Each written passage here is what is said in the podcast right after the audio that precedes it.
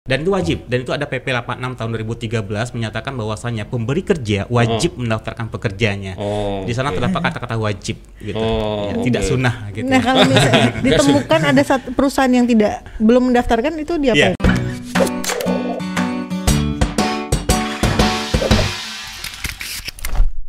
Nah, Ada di sini kita pun juga nanti Ada ada, penindakan kepatuhannya. Di sini kita pun sudah ada kerjasama dengan uh, pengawas ketenaga kerjaan, dinas ketenaga kerjaan, dan juga dengan kejaksaan seperti itu. Nah, bagi badan usaha yang terfilter, terindikasi dan belum mendaftarkan pekerjanya 100% saja, dan itu kita pun juga nanti akan langsung menindaklanjutinya dengan bersinergi dengan uh, pengawas ketenaga kerjaan dan juga dengan kejaksaan jikalau sudah uh, memang sudah terindikasi tidak patuh lagi seperti itu. daripada berurusan dengan kejaksaan ya yang mau punya usaha. Karyawannya tolong didaftarkan. Nah, Di- tap- tapi masih banyak yang ini ya tadi ada ada seribuan Ada tadi, seribuan tadi ya. juga, juga. Nah Iya, ini iya. mungkin yang mereka belum ngerti pentingnya apa sih ini maksudnya JKN KIS ini mungkin Mas. Iya, sebenarnya kalau kita lihat dari sisi iuran, itu jauh lebih menguntungkan kepada pekerjanya. Yang Kenapa? Karena eh, untuk untuk rincian iuran itu cuman hanya 4% ditanggung oleh pe- eh, pemberi kerja dan satu persen ditanggung oleh pekerja. Nah, satu persen saja jikalau gaji mereka itu 4 juta dan itu mereka hanya potongan 40.000 saja. Ketika ketika pekerja itu dipotong 40.000 saja, itu sudah menyeret 5 jiwa. Artinya ada lima tanggungan keluarga yang sudah terdaftar yang sudah langsung ikut program JKN KIS. Ketika mereka bayar 40.000 dipotong 40.000 mereka eh, dan semua anggota keluarga mereka yang tiga orang anak dengan suami atau istri tersebut itu sudah langsung menjadi eh, menjadi ikut program JKN KIS dan haknya pun juga di kelas 1. Kalau dibandingkan ketika mereka itu terdaftar sebagai mandiri. Dia mandiri satu orang 100 150 ribu satu jiwa. Kalau lima jiwa berarti dikalikan Kalikan dengan lima. 5 berarti lebih kurang 600 ribu. Itu rugi banget gitu. Nah jadi kita memang sarankan sekali ketika si pekerja tersebut dia sudah bekerja di sebuah perusahaan A sebuah eh, apakah di di CV di PT segala macamnya itu itu sebaiknya dia itu terdaftar sebagai pekerja saja. Karena iuran cuma 40 ribu sudah menyeret 5 jiwa. Dan itu untung untung sekali. Kelas Iya. satu lagi gitu. Iya, iya. Mas, sorry Pak, Dodi saya masih Oke. ke Pak Indra Ini monggo. jadi seru nih, seru nih. Monggo, monggo. Pak, ini kayak karena apa ya di Batam kan lagi ramai, maksudnya banyak kan industri ini banyak Iya. pekerja. Nah, eh, apa persoalannya itu yang seperti maksudnya eh, ini perusahaan tapi pekerjanya masih mandiri. Iya. Itu eh, kan harusnya dialihkan sebagai statusnya sebagai apa tadi namanya istilahnya? Eh, Pekerja pekerja penerima. upah pekerja penerima Iya. upah. Nah, kalau misalnya nah kalau selama ini masalahnya itu di perusahaannya yang tidak berinisiatif atau karyawannya selama ini? Lebih nah, ke mana? itu dia. Jadi kita memang eh, salah satu inovasi yang sudah kita lakukan di Kota Batam ini kita sudah melakukan percepatan, percepatan dan memastikan si badan usaha tersebut up to 100 artinya mereka sudah mendaftarkan seluruh pekerjanya. Nah, setiap hari itu kami langsung eh, dan kami memang biasa mem- melakukan pemanggilan kepada badan usaha untuk ke kantor atau ke tempat lain dengan protokol Covid yang ada. Itu 100 badan usaha dengan dengan jam yang berbeda. Dan itu kita tujuan kita adalah kita memastikan apakah pe- eh, pekerja, eh, pemberi kerja tersebut dia sudah mendaftarkan berapa jumlah pekerja yang ada di perusahaan tersebut ke BPJS Kesehatan. Seperti itu. Dan jika terdapat terindikasi belum dialihkan misalkan si pekerja tersebut Masih masih, terasa mandiri. sebagai mandiri kah dia atau sebagai pe- eh, sebagai PD Pemda atau penduduk yang didaftarkan oleh oleh Pemda atau yang kita kenal tadi yang ada PBI, APBN atau PBI PBD tersebut. Dan itu sudah merupakan kewajiban dari pemberi kerja untuk mengalihkan sebagai pekerja tersebut gitu. Nah, itu memang sudah ada kewajiban karena di sana kalau terkait dengan PP 86 tahun 2013 itu, itu sudah final. Tidak ada tawar-menawar lagi di sana. Oh, kayaknya penting nih teman-teman HR ya di Batam Yang yang lagi nonton Batam. silakan langsung tanya nih ada Pak Dodi dan Pak Indra nih. Iya. Jadi itu otomatis diiniin sama perusahaannya sendiri ya Pak? Iya, betul. Hmm, kecuali si mandiri ini ada tunggakan. Iya, iya, iya. ya. Heeh. Iya iya Kan, iya. Oke, tunggakan rata-rata di mandiri makanya nih Iya, gitu itu loh. dia. Tapi kadang bisa saja kayak ini ada kemarin teman-teman yang karyawan baru itu kan ternyata nunggak karena ya itu mandiri. Iya. Tapi sebenarnya kalau didaftarkan masuk ke lewat kantor apa ke apa penerima upah tadi malah sebenarnya malah cenderung tertib Tertib ya. Karena langsung dan lebih untung Iya, juga, lebih benar. ini Sangat tadi. diuntungkan sekali gitu. Iya. Hmm. Jadi yang mandiri-mandiri itu inisiatif lah untuk masuk kantor aja. Istilah- Istilahnya masuk kantor apa istilah apa ya tadi? Iya. Penerima- PPU. Ah, Ya, ah, PPU. PPU Iya, ya. iya, Iya. Iya, betul. Tapi kalau ini untuk yang masyarakat belum mendaftar mungkin Pak. Eh, mereka mungkin juga belum sadar nih pentingnya si JKN KIS ini. Mm-mm. Iya kan Pak? Betul. eh, maksudnya apa nih? Maksudnya manfaatnya kalau tadi PPU sama yang mandiri Iya. ya kan. Nah, kalau ini yang dia mau belum dia nggak kerja tapi dia harus punya JKN KIS. jadi sebetulnya eh, kalau kita bilang asuransi, salah satunya bentuknya adalah penjaminan. Kita kita di sini, apalagi ini tergolong eh, JKN KIS ini, program JKN KIS ini adalah tergolong asuransi sosial, di mana bisa dipastikan bahwa iurannya sangat eh, murah, tetapi covernya ka- eh, yang di cover atau benefitnya itu sampai tidak terbatas. Nah, seperti itu. Nah, sedangkan kita tidak pernah tahu kapan kita sakit. Iya, iya. Nah, ibaratnya sedia payung sebelum hujan. Nah, kalaupun di asuransi sosial ini itu ada selain itu tadi bahwa eh, coverage-nya atau benefitnya itu tidak terbatas dengan iuran yang murah. Di situ pun ada sistem gotong royong, di mana kita kalaupun tidak sakit kita tetap mengiur, tetap membayar dengan harapan kita sehat, biar orang lain yang memanfaatkan. Nah seperti itu. Jadi ada gotong royong. Ibaratnya kalau boleh dibilang ini sodakoh atau eh, apa ya eh, sodakoh yang bisa dipertanggungjawabkan. Artinya seperti itu. Ada Jadi- unsur gotong royong. Iya, ada unsur gotong royong. Jadi di situ.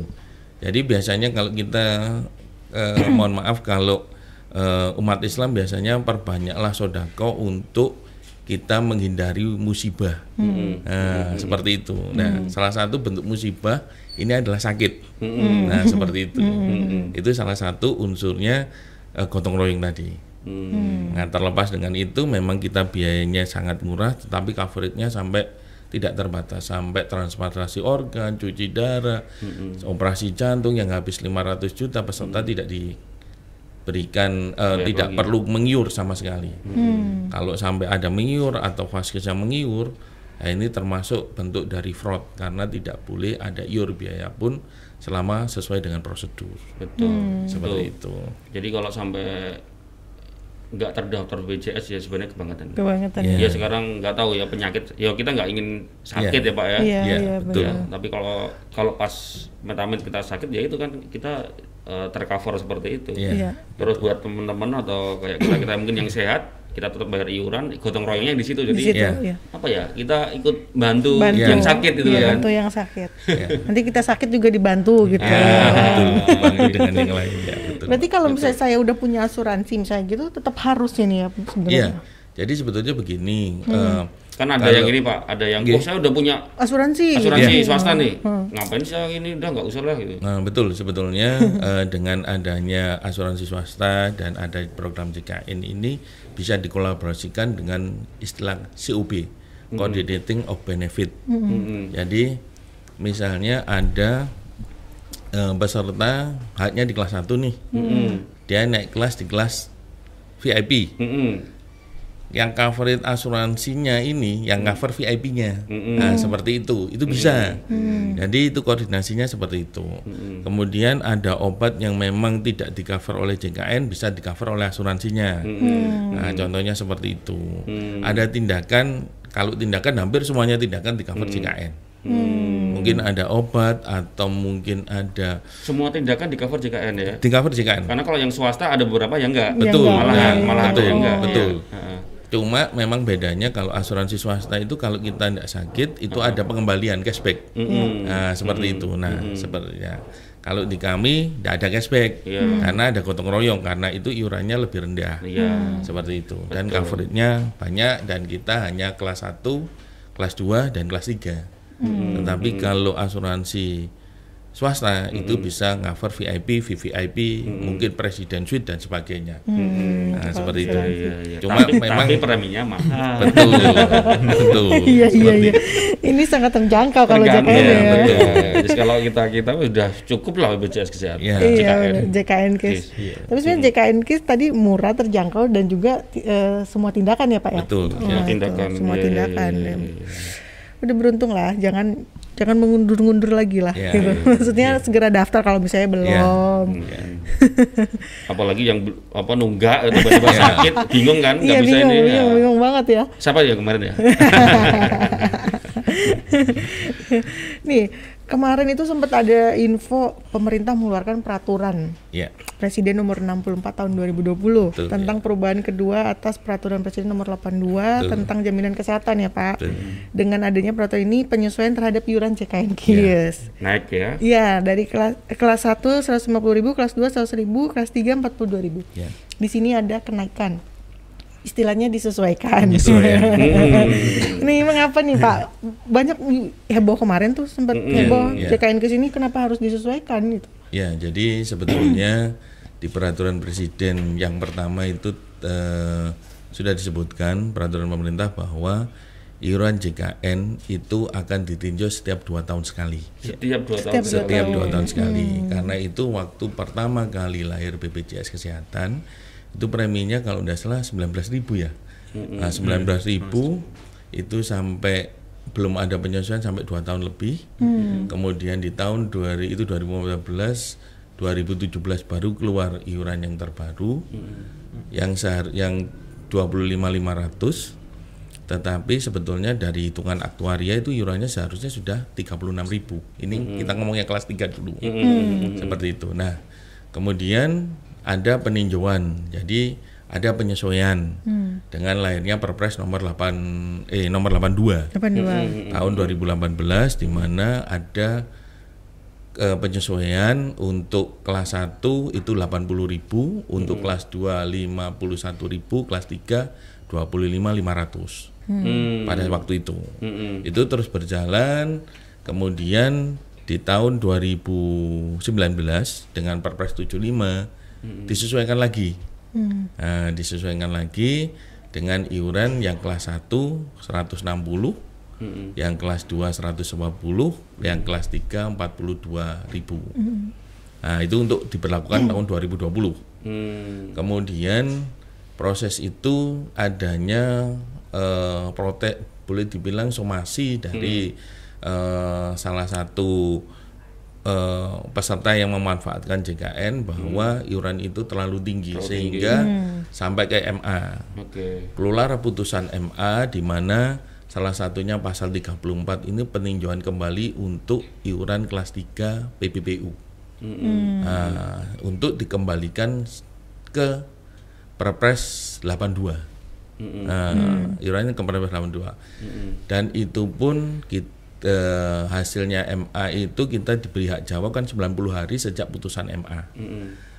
Ini disampaikan kemudian terbitlah Perpres 64 tahun 2020 salah satunya adalah diberlakukan mulai 1 April jadi iuran 2020 itu masih mengacu Perpres 75 untuk Januari Februari Maret ya 160 eh, 110 sama 42 sampai Maret Saya Maret. Kemudian dengan Perpres 64 itu balik ke Perpres 82. Nah, yaitu 150 iurannya itu. jadi 80, Eh. 51 dan 25.500.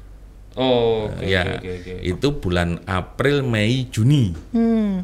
Nah, April, Mei, Juni. Kemudian eh, di bulan Juli, nah, itu yang disesuaikan hanya kelas 1 dan kelas 2. Oh iya betul. Juli. Jadi 150 dan 100 ribu. Nah, itu. Iya iya. Itu. Yang kelas 3 tetap 25 500. Iya. Nah, nanti Perpres 64 itu di tahun 2021 iurannya yang kelas 1 dan kelas 2 tetap. Tetap 150 dan 100, yang kelas 3 jadi 35 ribu. Nah, itu Iya, nanti iya, iya. 2021 tapi ini sampai akhir eh, Desember tetap 20 eh, 25 500 yang kelas 3. Kelas tiganya. Oh, Iya. iya. Itu, Makanya jadi kemarin iuran. Kalau kan bayarnya pakai OVO. Iya. Saya sebut OVO nggak apa ya? Nggak apa-apa. Itu kan, oh, kok jadi 150? Nah, bayarin punya itu. ibu tuh. Oh, iya, iya, iya. Pak, tapi kalau yang untuk apa? Mandiri kenapa iurannya naik bisa sampai dua kali lipat, Pak? Iuran Aduh, sebetulnya jadi hitungannya Malah yang malah yang mandiri dua kali lipat itu. sebetulnya eh, hitungan untuk premi ini dihitung secara aktuaria. Seperti tadi saya sampaikan pada posisi kita 19.000 dulu, itu harusnya 36.000. Oke. Nah, hitungan aktuaria disesuaikan itu 42. Mm-mm. Nah, 42.000. Nah, sekarang dengan adanya itu diturunkan lagi kan? Jadi 25 di mana sebetulnya 25.000 peserta tambah 25.000 itu selisih antara 42 dan 25.000 itu ditanggung oleh pemerintah. Hmm. Dalam hari ini pemerintah pusat. Oh. Nah, seperti itu. Disubsidi gitu ya. Subsidi, subsidi, subsidi pemerintah pusat. Jadi pemerintah tuh masih subsidi Iya. sebenarnya. Iya, iya, iya. Bantu pemerintah. Betul, itu Iya, ceritanya. iya, iya, iya. Tadi kan Bapak menyampaikan iuran peserta kelas 3 itu disubsidi. Ya, Nih, barusan nih kan. ya. Itu sampai kapan, Pak? Jadi subsidinya ini masih Sampai terus 2020. berlangsung sampai 2020. Kemudian di tahun 2021 jadi 35. Itu selisihnya pun itu juga Masih. masih disubsidi. Jadi subsidinya untuk tahun 2021 dikecilkan. Hmm. Nah, jadi yang sebelumnya dua- 42 dikurangi 25 500 berarti 16 setengah ya. Itu semuanya di cover oleh pemerintah. Berarti sampai 2021 ya. sampai 2020 kemudian jadi 2021 jadi 35.000 kan 35.000. berarti ada selisih 7.000 nah 7.000 itu juga tetap di cover oleh pemerintah seperti itu jadi subsidinya pemerintah dikecilkan Iya, di iya, tahun iya. 2021 Iya, iya, iya. iya. Hmm. Masa ya disubsidi terus kan Iya, pemerintah. iya. Kirain sampai kapan gitu, Pak? Sampai ada yang somasi. Pak, tadi tadi saya sempat mikir gini di tadi apa sambil mik, ini Bapak jelasin saya mikir kalau kayak saya nih yang Penerima upah. Iya, penerima upah ya kan. Terus tadi ada lima orang ya Pak ya yang Iya. tertanggung ya. Nah, tapi saya belum menikah ya. Iya. Nah, yang tertanggung tuh berarti ke orang tua nggak? Enggak ya? Enggak. Enggak ya. berarti harus menikah dulu ya, Pak. betul Iya, keluarga inti Iya, Oke. inti. Kamu belum kamu belum punya tanggungan kan? Belum. Iya, Hmm. Jadi itu juga ada gotong royongnya jadi misalnya ada pekerja yang eh, yang bekerja cuma satu dia dipotong anggap saja 5% kan tadi ya. 5% untuk 5 jiwa. Nah, kalau dihitung-hitung seperti tadi sampaikan misalnya gajinya 8 juta. 8 juta berarti 5 persennya Empat. 400 ya 400 ribu ya. Iya. Ya 400 ribu dibagi 5 Hmm. 80. 80 Wah, 80 nah sedangkan eh, yang yang peserta saat ini iurannya sudah jadi 150 kalau yang mandiri kan? Iya. nah artinya kalau iurannya diakumulasikan menjadi 150 yang bujang-bujang inilah yang membantu. Salah satunya bentuknya seperti itu. Iya, iya, iya. Nah, tetapi tetap eh, kenapa iurannya lebih murah dibandingkan mandiri kan seperti itu Hmm. dan itu kelas 1 loh Iya, iya. Kelas satu ya. sedangkan mandiri saja kelas 1 sudah 150 Hmm. Nih kalau di JKN KIS itu Pak, kita boleh di, maksudnya dijabarin lah. Mungkin Tribunus juga bingung nih, pelayanan ini sebenarnya apa saja yang dijamin.